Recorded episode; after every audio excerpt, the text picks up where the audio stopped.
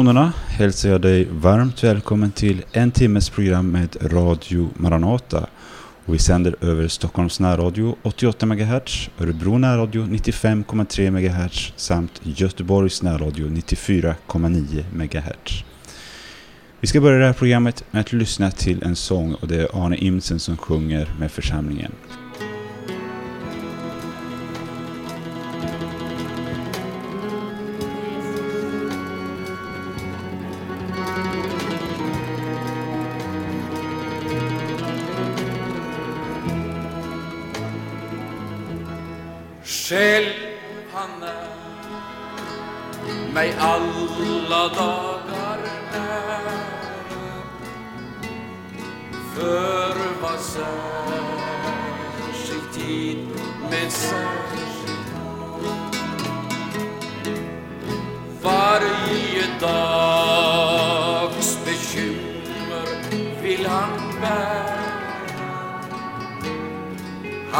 Han som äter både kraft och råd att sin dyra egendom bevara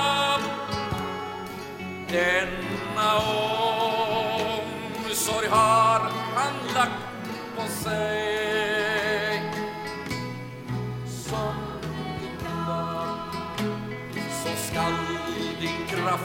Kraft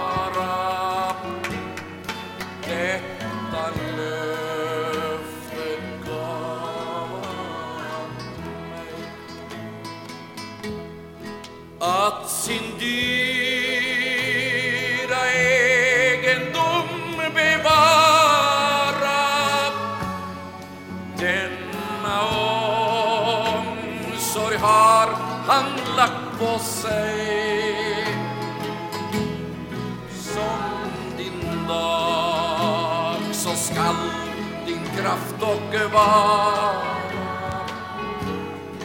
detta löfte gav Hjälp mig då att vila tryggt och stilla. Blott vid dina löften, Herre kär. Ej trones dyra tröst förspilla som i ordet mig förvarat är.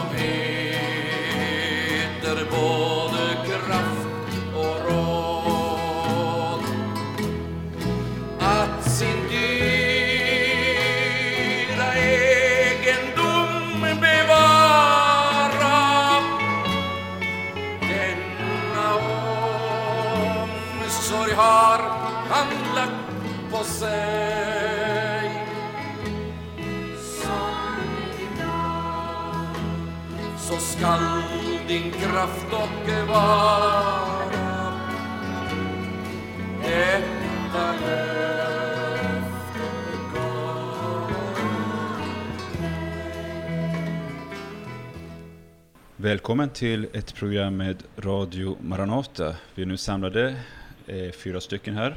Det är jag, Sebastian Vidén.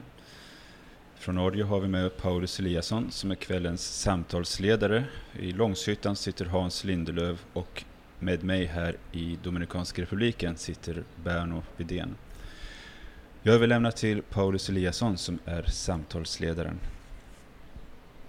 Ja, Guds frid får vi önska alla Radio Maranatas lyssnare eh, och välkomna till det här eh, magasinet. Vi ska samtala lite eh, om de händelser som sker just nu i Europa. Vi vet att de sista dagarna så har, har det varit katastroftillstånd i, i delar av Europa, i Belgien, Nederländerna, Luxemburg och i Tyskland. Eh, och det har ju varit eh, övers översvämningar. Det har varit eh, eh, som resultat av starka regnväder. Och eh, det är ju en, en desperation och en, en förtvivlan som eh, möter människor. Det är många som har dött, det är många som är försvunna, det är många som har förlorat sin egendom och så vidare. Och det här är ju en, en situation som naturligtvis är, är katastrofal för väldigt, väldigt många människor. Eh, och vi ska tala lite om det här, just hur vi som kristna ska, ska förstå eh, naturkatastrofer, möta människor i nöd, eh, både om varför sådana här saker händer och om Eh, Ehm, och hur Bibelns författare också eh, använde sin samtids naturkatastrofer och liknande händelser för att tala om, eh, för att säga någonting om Gud och säga någonting om vad det betyder att eh, tillhöra Gud.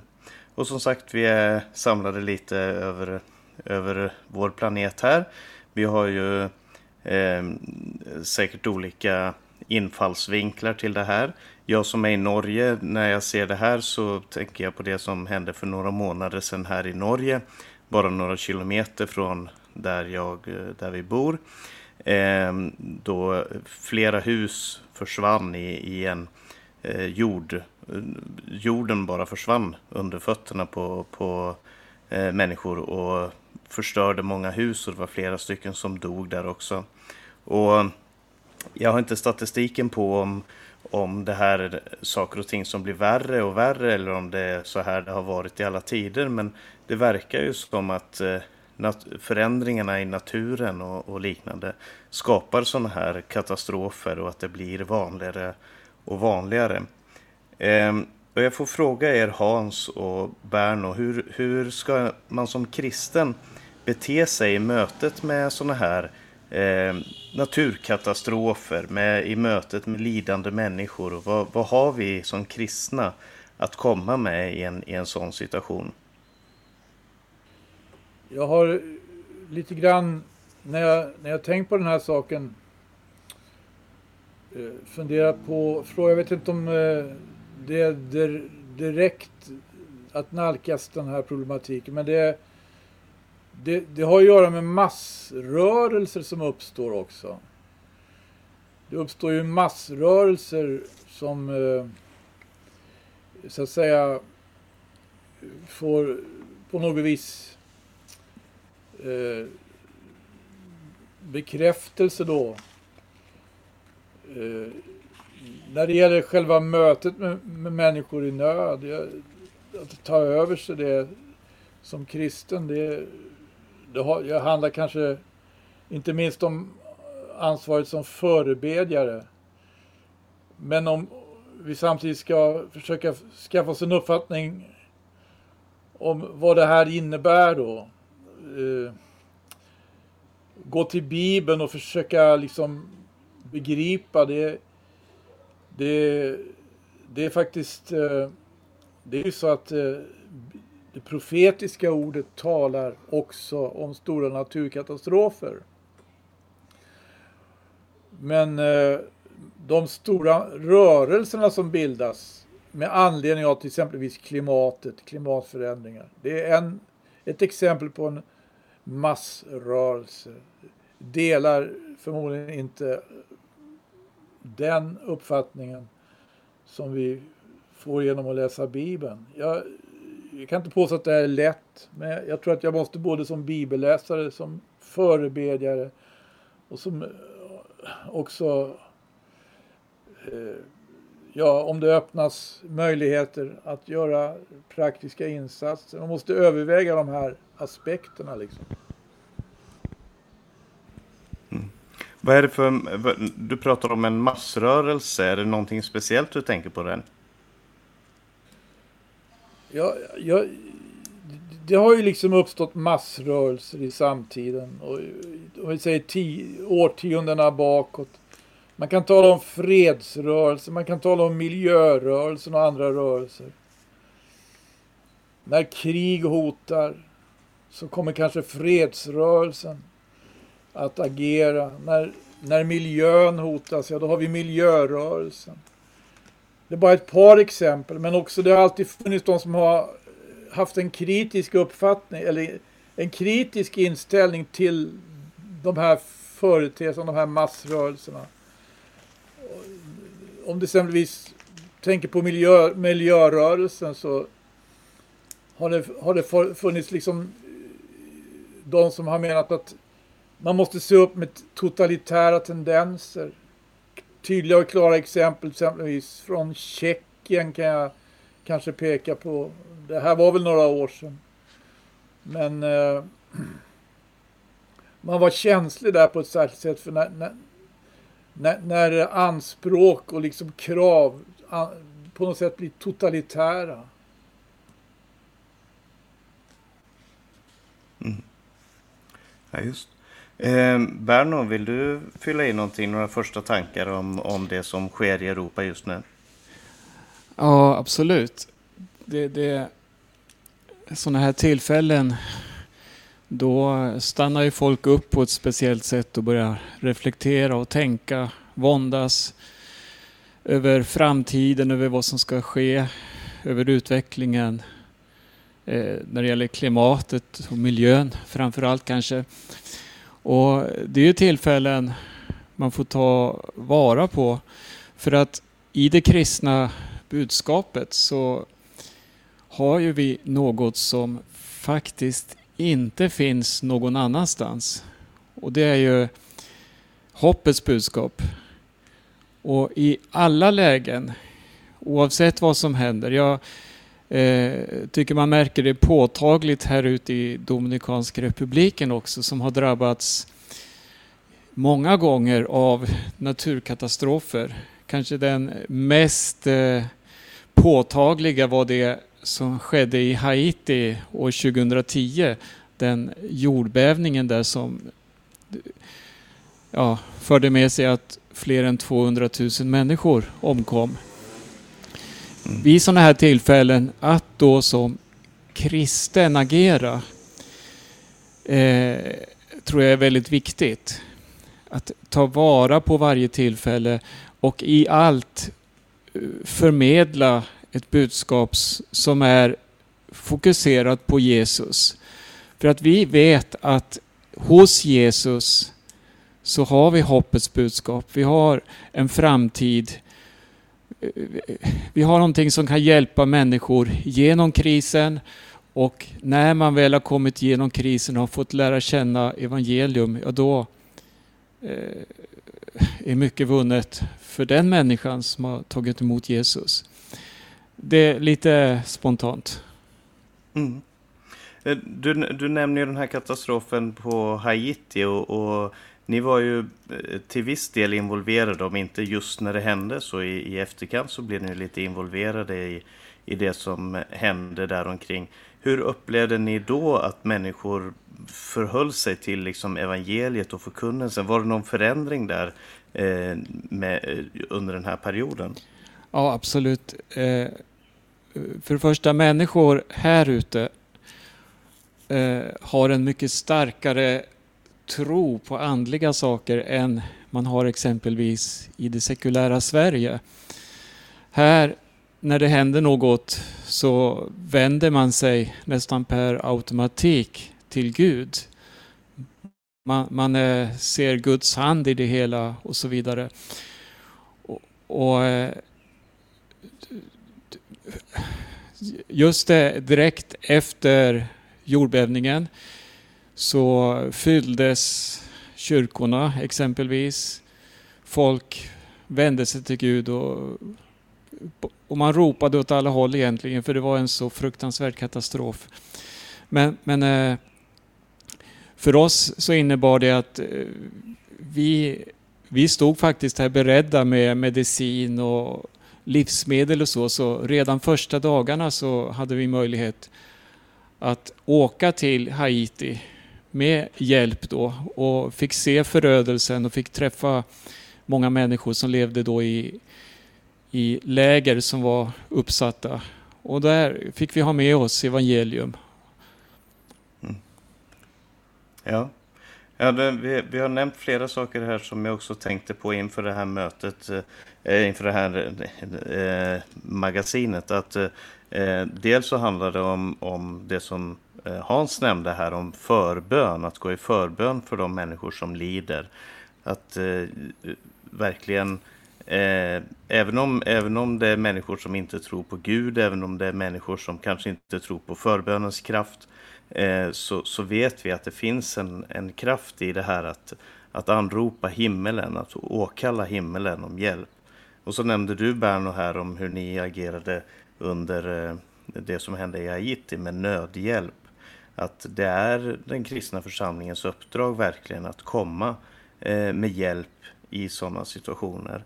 Eh, och så nämnde du också det här om att det här är en gyllene anledning att få påminna om Jesus. Få påminna om evigheten, få, på, få, få komma med Bibelns förkunnelse om, om det som ligger framför. Och jag tror just att en, en blick eh, inte bara mot tillkommelsen och mot den kommande världen, för det ger ju oss hopp, precis som du sa Berno, men också att se upp till Jesus som den korsfäste. Eh, honom som faktiskt fick utstå, som det står, sådant lidande från sina motståndare. Det var inte en naturkatastrof i och för sig, men det var en mänsklig katastrof. Det var en, det var en mänsklig ondska som låg bakom det här. Och det, det påminner oss verkligen om eh, var Gud är någonstans i de här katastroferna. Gud är mitt i lidandets centrum och han önskar att möta människor där i, i lidandets centrum. Ehm, en, en annan sak som jag har tänkt på här det är varför Gud tillåter sådana här händelser. Nu är det ju många människor som har dött, vi vet inte hur många det kommer bli. Det är många människor som har förlorat eh, hem, hus och hem. Och vi befinner oss ju också mitt i en pandemi där många människor har dött, har blivit sjuka, har långtidsverkningar av covid-19. Eh, och, och, man undrar liksom varför, varför sker sådana här onda saker i en värld som, som Gud har skapat? Jag vet inte om Hans, har du, har du några tankar omkring det här? För att eh, det är, det är ju ett tema i Bibeln, just det här med, med ondskans gåta och, och var, var Gud befinner sig i, i de här situationerna. Det har ju, det har ju för... När det kommer till evangeliet och evangeliets eh, predikan har i alla tider varit eh, så att säga en, en stor utmaning att eh, få människor att se det rätta perspektivet. Och det, det är ju så att eh, när sådana här saker sker såklart och, och talet man hör, eller, och tanken på något sätt väcks om att det finns en skapare, det finns en gud. Då, sätter, då hänger man det på, upp det på det och så, men snälla någon, om det gör det, varför, varför händer sånt här då? Och då, då, då, har man liksom förlorat en viktig sida av hela problematiken som det egentligen verkligen kanske är mer utmaning än någonsin att vi får människor att fatta att människorna har ett eget ansvar. Och människornas eh, bortvändhet från Gud har liksom fört med sig Eh, så mycket elände som vi egentligen inte kan riktigt fatta själva. Jag tänker på när Jesus uppdrar åt apostlarna att eh, gå ut med budskapet. och säger bland annat så här till, till dem att allt vad ni binder på jorden, det ska vara bundet i himmelen. Allt vad ni löser på jorden, det ska vara löst i himmelen. Och att lärjungarna, att den kristna församlingen liksom befinner sig så oerhört centralt egentligen i, i händelseutvecklingen i världen och i tiden. Det, det, det är väl någonting som ständigt måste återupptäckas och ständigt måste återerövras. Att, att det faktiskt det är faktiskt så att det var, det var en profet till exempelvis i gamla förbundet Elia. Han var ju en verklig bedjare. Han hade verkligen en börda för eh, sitt folk, för Israels folk. Han hade verkligen en börda för människorna. Men för, för hans vidkommande innebar det att han fick inte bedja att människorna skulle befrias ifrån allt ont och befrias ifrån allt lidande. Han fick faktiskt bedja att människorna kastade sig in i ett lidande. Att de förstod, och det var när han bad att det skulle bli torka, och det blev torka också. Torkan varade i tre och ett halvt år. Han fick vara med liksom och, och bedja in hela nationen i den nöden. För att, för att så att säga budskapet han hade, det, det var ju det alltså att ja, när till exempelvis konungen i Israel mötte honom så, så sa han till profeten Elia Är du här, du som drar olycka över Israel? Och då fick han förklara det. Det är inte jag som drar olycka över Israel. Det är du. Och det är din faders hus som drar olycka över Israel. Det, det, det var faktiskt det som var hans ärende. Det var det han... Det var, och det var det han liksom hade väldigt möda med att förklara. Jag vet inte om han riktigt vann konungen. Det såg, såg ut som han gjorde det. Men det, det var hans uppdrag. Mm.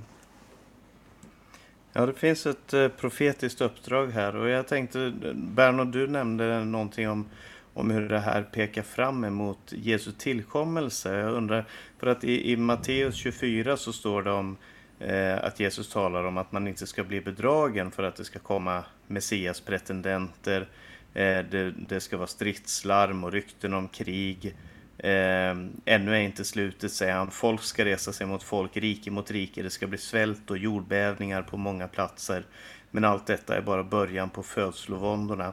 Eh, finns det ett, ett, perspektiv här att det vi ser ske i världen med, med eh, coronapandemin, med naturkatastroferna och så, att, att det faktiskt är tecken på Jesu tillkommelse? Är det någonting annat Jesus talar om här? Eller, eller är, det, är det bara påminnelser om, om världens tillstånd och att vi måste eh, längta fram? Eller fin, finns det någonting mer i den här texten? Alltså, jag tror att vi lever i en nådatid. Och det har vi gjort ända sedan eh, Nya Testamentets dagar.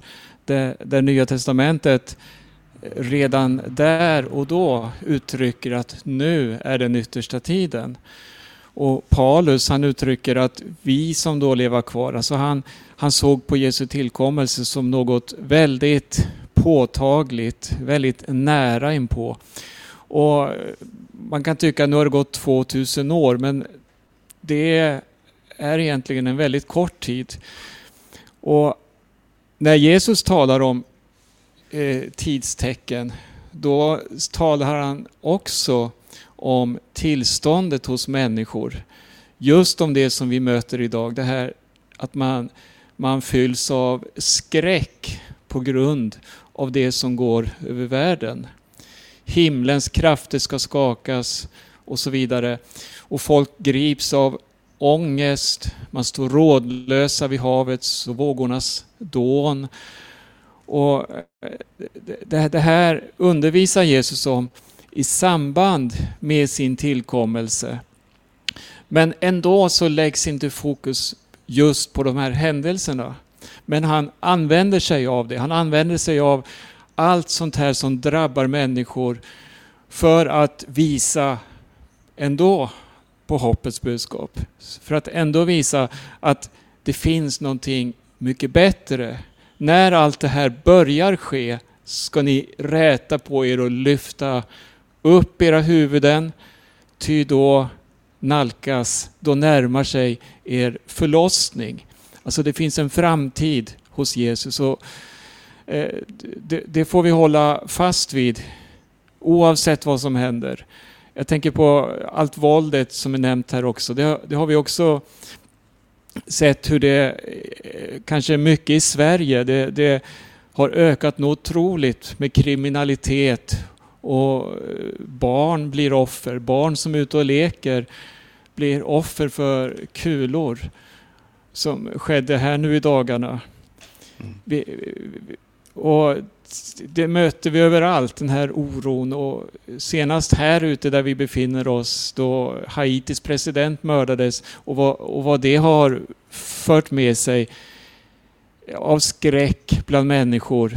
Det skapas en oro, det skapas så eh, mycket ja, ångest bland människor. Man, man ser inte framtiden, hur den ska eh, te sig så att säga. Men här eh, så, så vet vi att det finns ett kraftens evangelium. Och eh, här får vi släppa taget kanske om oss själva lite och ja, peka på Jesus. För han förmår, han kan hjälpa. Ja, precis. Och du nämner här om, om hur de här sakerna kan peka fram emot ett, mot ett nytt hopp, mot Jesu tillkommelse och, och, att vi lever i en, i en nådatid. Och jag tänker också att sådana här eh, starka händelser, om det sker på det, den personliga nivån genom Eh, sorger genom förluster och, och, sånt i nära relationer eller om det sker som nu då i, i det stora med, med naturkatastrofen i, i, i Västeuropa här. Eller mm. som du nämnde här om, om de här två barnen som, som blev ihjälskjutna i, i, eh, genom de här vådaskotten som de ja. blev offer för. Det, det, det skadeskjutna blev de. Ja, skadeskjuta. skadeskjuta. Ja.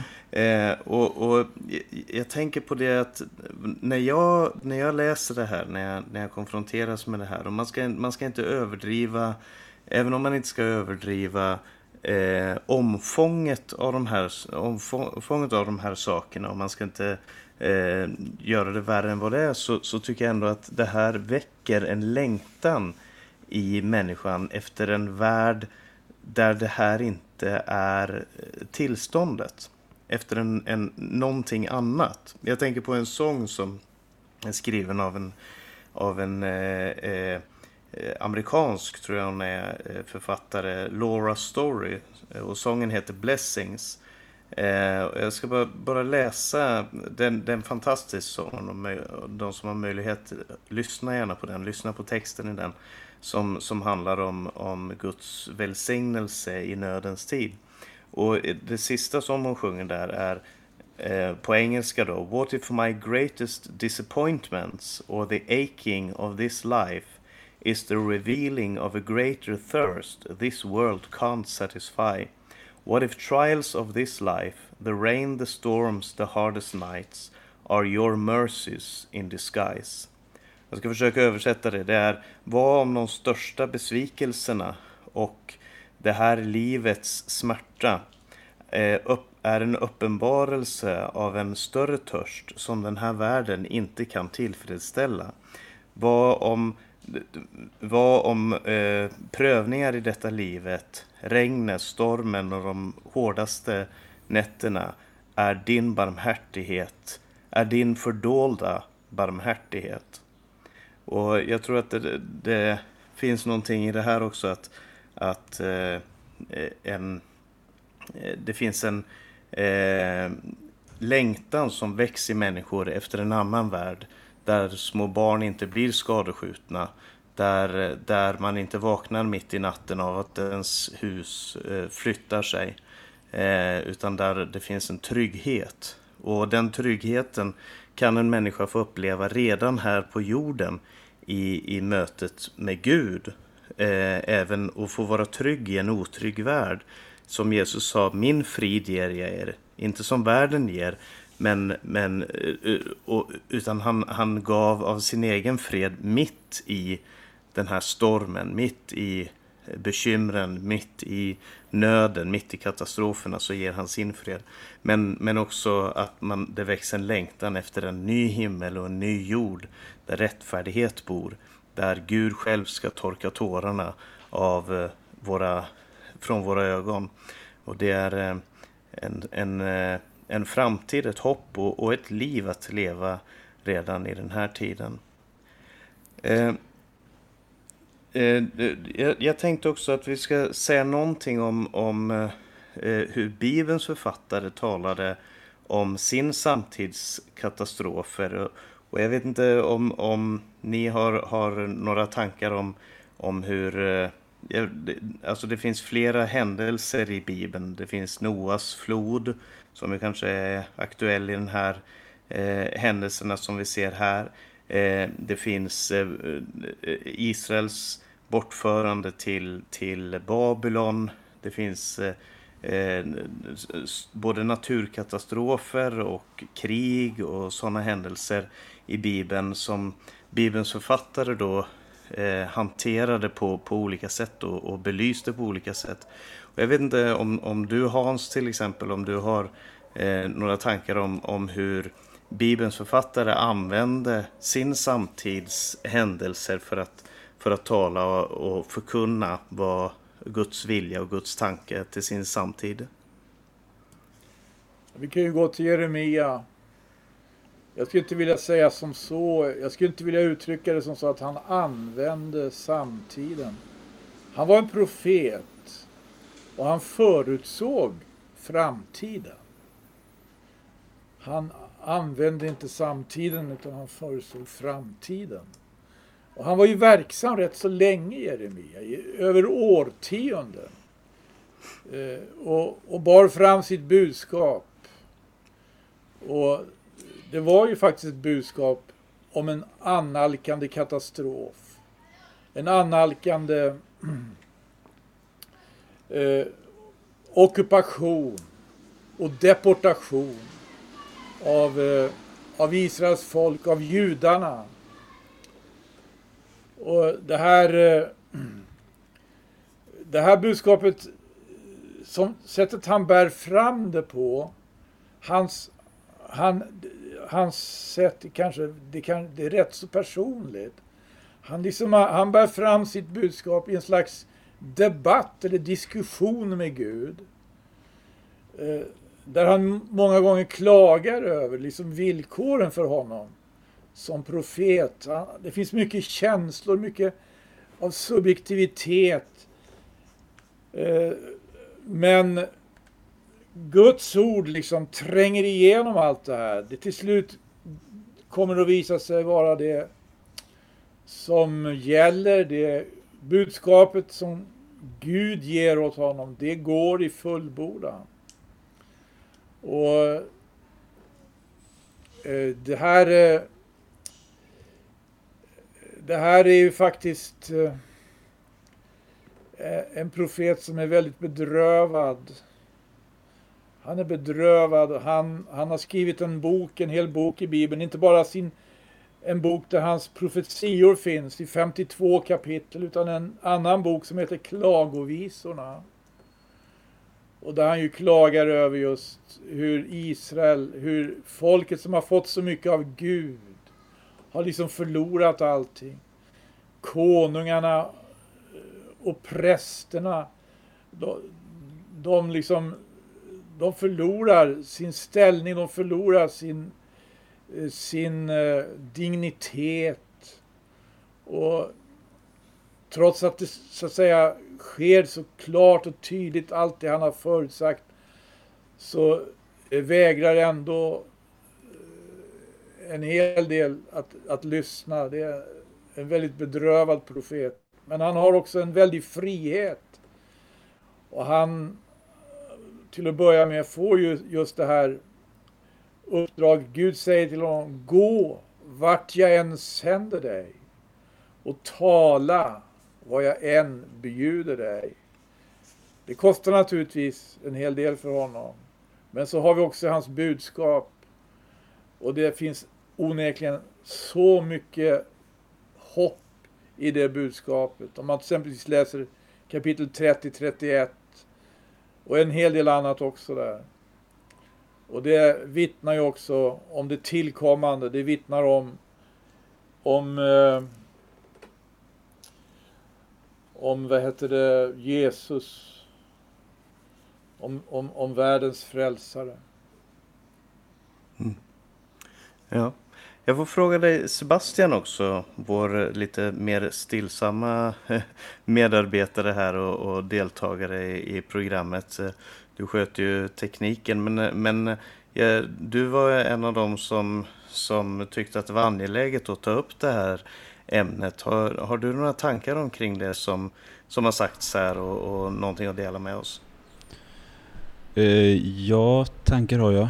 Eh, ska inte dra ut för mycket på tiden här men jag tänker på en psalm eh, nu när vi kommit en bit in i programmet. Det är psalm 90.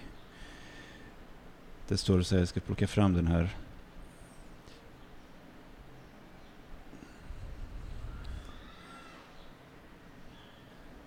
vers 12 tror jag det är. Det står där, låt oss Lär oss att våra dagar är räknade så att vi får visa hjärtan. Och då tänker jag på hur, vi ser det kommer svårigheter över våra liv på olika sätt. Över hela mänskligheten ibland, som sån här pandemi, naturkatastrofer och så vidare. Och var, varför låter Gud det ske? Det var frågan här du ställde för en stund sedan. Och då tänker jag på det här, lär oss att våra dagar är räknade. Och då tänker jag på det, Gud vill ju, han älskar oss. Han, han har älskat oss med en evig kärlek. Och vad han vill det är ju att vi ska först och främst lära känna honom, komma till honom. Och då när, när, när då sådana här så, svårigheter kommer över våra liv, om det, om det måste till något sånt för att vi ska så att säga vända oss till Gud för att söka honom, då måste ju det vara på ett, på ett sätt. Eh, se det som Guds utsträckta hand mitt i allt. Hur han låter kanske vår, vår vardag, vår, våra mönster, våra former som vi så, är så trygga med. Och låter allting detta rämna för att vi istället ska försöka hitta, söka någonting som har eviga värden.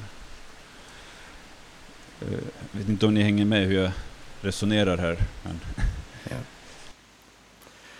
Ja, det är verkligen sant att eh, eh det här, eh, det som sker i, i världen och som sker i våra liv är därför att mana oss till att eh, tänka på våra dagar. Och jag vill också dela med ett bibelord ifrån Eh, Joels profetia. Joel är en av Gamla Testamentets profeter som eh, talade till sin samtid i en väldigt speciell tid. Eh, han säger redan i början, i första kapitlet, Eh, och den andra versen så står det Hör detta ni äldste, lyssna alla ni som bor i landet.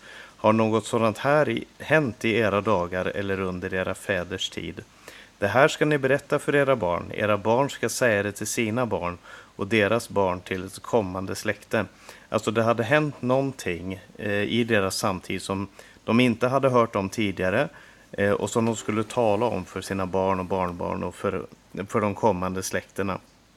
Eh, en katastrof som de hade mött och som Joel, eh, precis som du säger Hans, eh, det är kanske fel ord att använda och säga att han använder det, men, men i alla fall så tar han utgångspunkt i det som hade hänt hos dem för att säga någonting om Gud. Och det som hade hänt hos dem, det står i vers 4.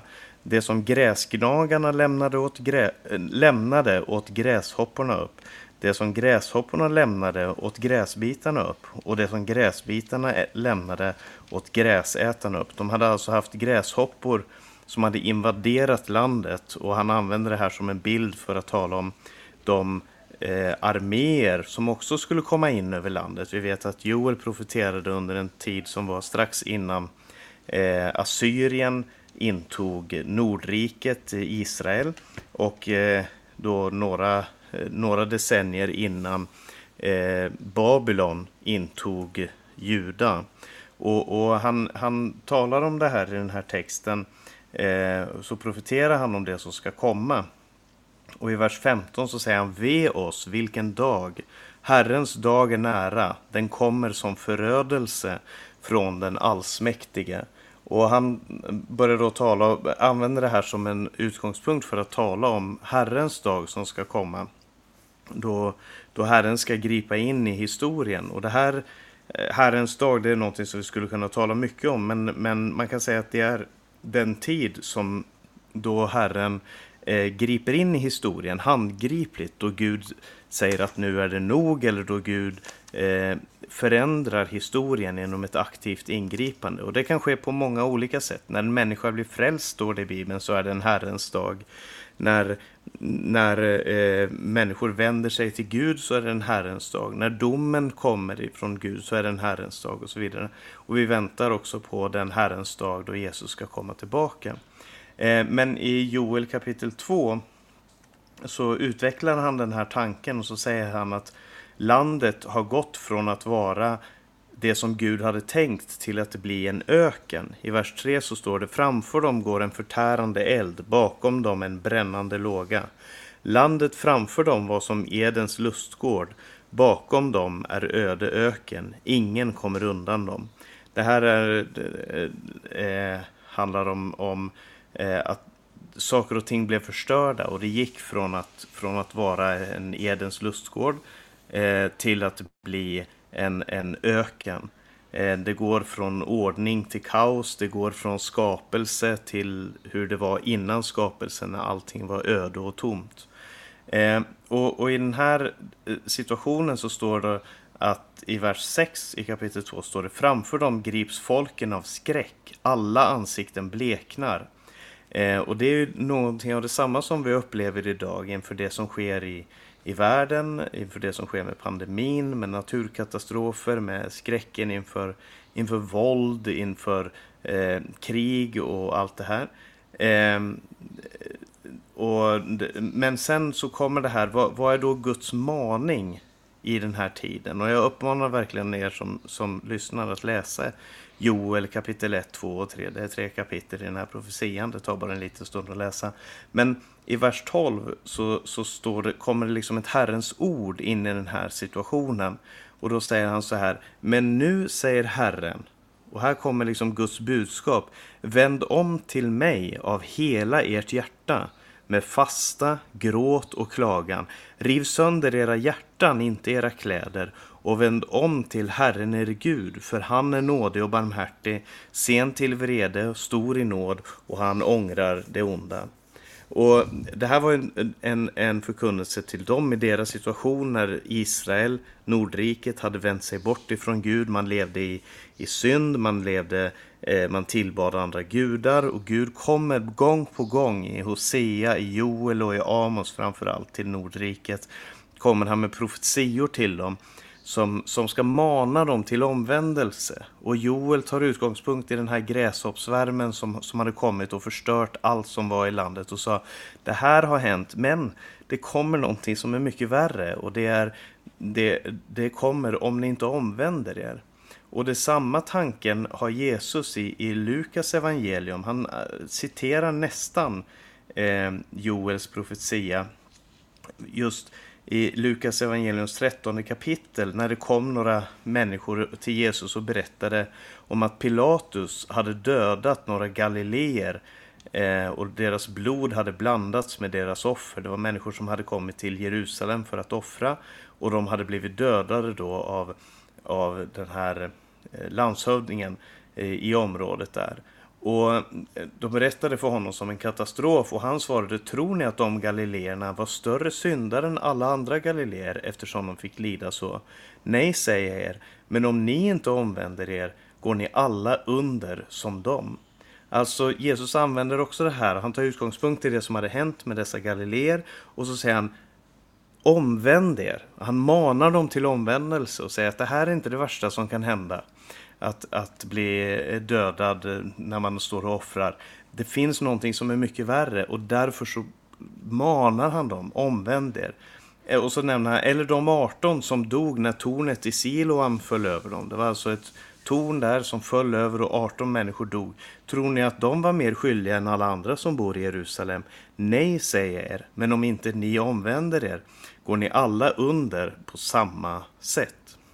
Och Jesus använder den här förkunnelsen också till att äh, äh, använda de här händelserna och, och ta utgångspunkt i händelserna för att tala om omvändelse.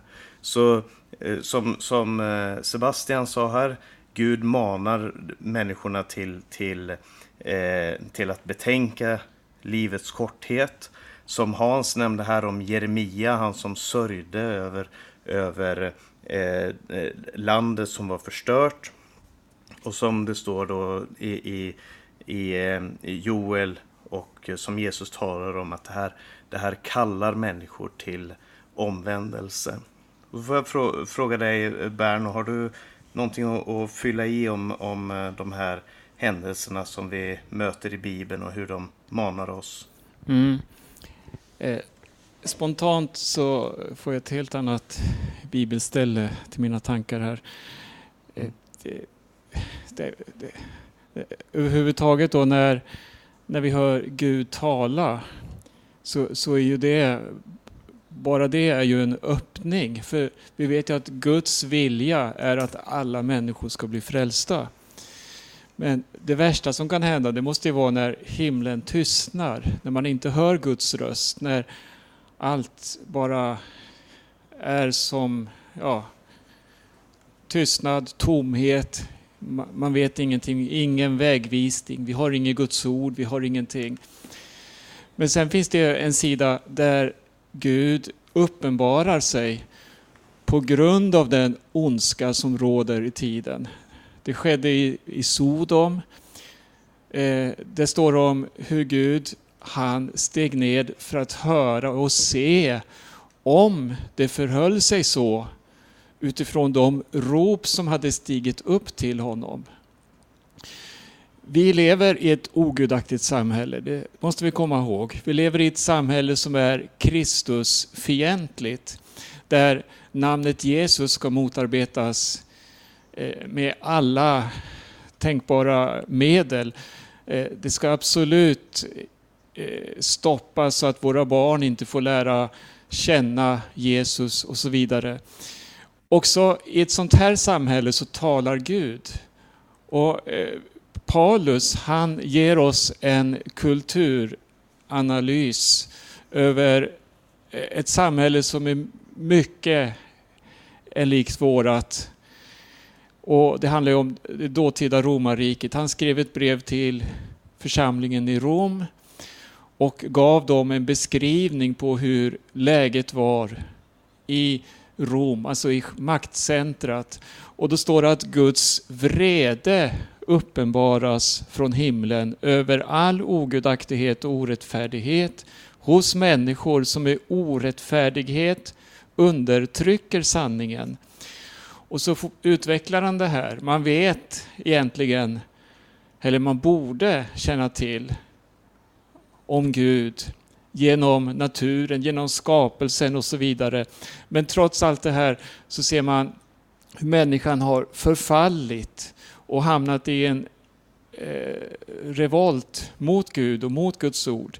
Men trots det här så ser vi Gud uppenbarar sig. Och när Gud blir vred på det här sättet, det handlar inte om att döma människor, men att mana människor till, människor till omvändelse. Eh, det, det är också en bit som är viktig tror jag, att, att det händer saker, det är katastrofer, det är en sak och det är helt fruktansvärt att se hur människor får lida oskyldigt. Eh, som det som hänt nere i Europa nu. Men vi vet också att det finns händelser som eh, bottnar i människors ondska och orättfärdighet och att man vänder sig mot Gud. Men också här så har vi ett budskap att förmedla omvändelsens budskap, det som kan leda till befrielse och till sanning för människor. Jag tror jag stannar där. Mm. Jag får, amen. Jag får fråga dig Hans, vi har inte så många minuter kvar nu, men har du en, eh, en sista hälsning till våra lyssnare? Jag tänkte bara på det citatet från Joel som du eh, kom med här. Eh, det står ju om Edens lustgård. Likt Edens lustgård var landet framför dem. Det är ju en jämförelse som kanske borde eh, på något sätt med kraft presenteras. När var det någonsin Edens lustgård? Vi läser om Edens lustgård i Bibeln, den gick förlorad. Men här var trots allt Edens lustgård på något sätt representerad. Det var likt Edens lustgård. Var har vi Edens lustgård? Nationalisterna säger, ja det var som Edens lustgård på 50-talet. Är den, är den uppfattningen korrekt? Jag vet inte. Men eh, det var en tid då det i alla fall inte var så illa som det är nu. Va? Kan, man, kan man fundera lite på det? Det kanske kan bli ett ämne för kommande program. Mm. Ja, det, det, har verkligen varit eh, intressant att, att samtala om de här sakerna. Jag tror att Bibeln har otroligt mycket att, att eh, förmedla. förmedla. Du får gärna kontakta eh, församlingen. Du ska få kontaktinformation här efteråt. Kontakta oss om du har frågor eller tankar omkring det här programmet. Och innan vi avslutar så skulle jag bara vilja, eh, skulle jag bara vilja eh, dela någonting som, eh, för att för några månader sedan så hade vi ju, eh, talade jag lite om vad som skedde i Rumänien eh, på, här i Radio Maranata. Och jag vill bara rikta ett stort tack till både Radio Maranatas lyssnare och Midnattsropets läsare för de offer som kom in till arbetet i Rumänien. Och det är en av de sakerna som vi har haft möjlighet att göra med de här pengarna nu är att vi har startat en, en fond för eh, ensamstående änkor Alltså änkor utan familj omkring sig eh, i församlingen. Så att vi har, ger dem ett, ett månatlig, månatligt belopp eh, för att, kunna, för att de ska kunna få en större trygghet i sin vardag. För i Rumänien så är det väldigt, väldigt liten pension för änkor som inte har eh, haft något fast jobb. Och det gäller för de här eh, änkorna som vi har i församlingen. Och det har varit tack vare bland annat de offer som, som Minasropet och Radio Maranatas lyssnare och läsare har tagit upp. Så jag får rikta ett stort tack till det och fortsätt att be för arbetet i Rumänien, arbetet i Dominikanska republiken där, där Berno och Sebastian befinner sig. Och får säga ett stort tack till, till er som har varit med. Det har alltså varit Hans Linderöv från Långshyttan i Sverige. Det har varit eh, Berno Vidén och Sebastian Vidén från Eh, Palavé i Dominikanska republiken. Och så har det varit jag, Paulus Eliasson ifrån Os, eh, Oslo, säger det är inte Dal, några mil norr om Oslo i eh, Norge. Och så önskar vi er Guds rika välsignelse.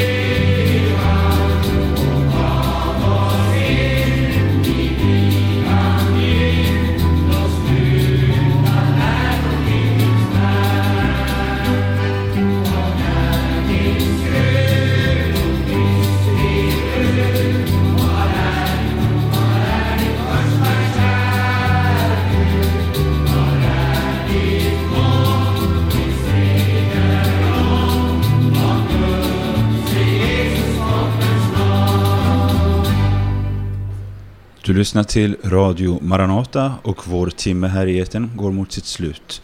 Du hörde tidigare eh, mig Sebastian Wedén, Paulus Eliasson, Hans Lindelöf och Berno Wedén i ett samtal.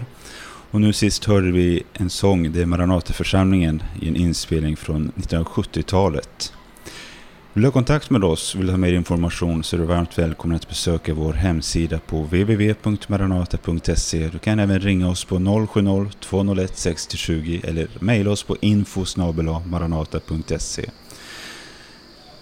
Radio Maranata Stockholm sänder över Stockholms närradio 88 MHz och vi sänder måndag, onsdag, fredag, lördag och söndag klockan 8 samt måndag klockan 18. Radio Maranata Örebro sänder över Örebros närradio 95,3 MHz och vi har samma sändningstider som Stockholm. Radio Maranata Göteborg sänder över Göteborgs närradio 94,9 MHz. Då sänder vi tisdag kväll klockan 21 samt lördag klockan 15. Med de orden önskar jag dig Guds rika välsignelse och på återhörande snart igen i Radio Maranata.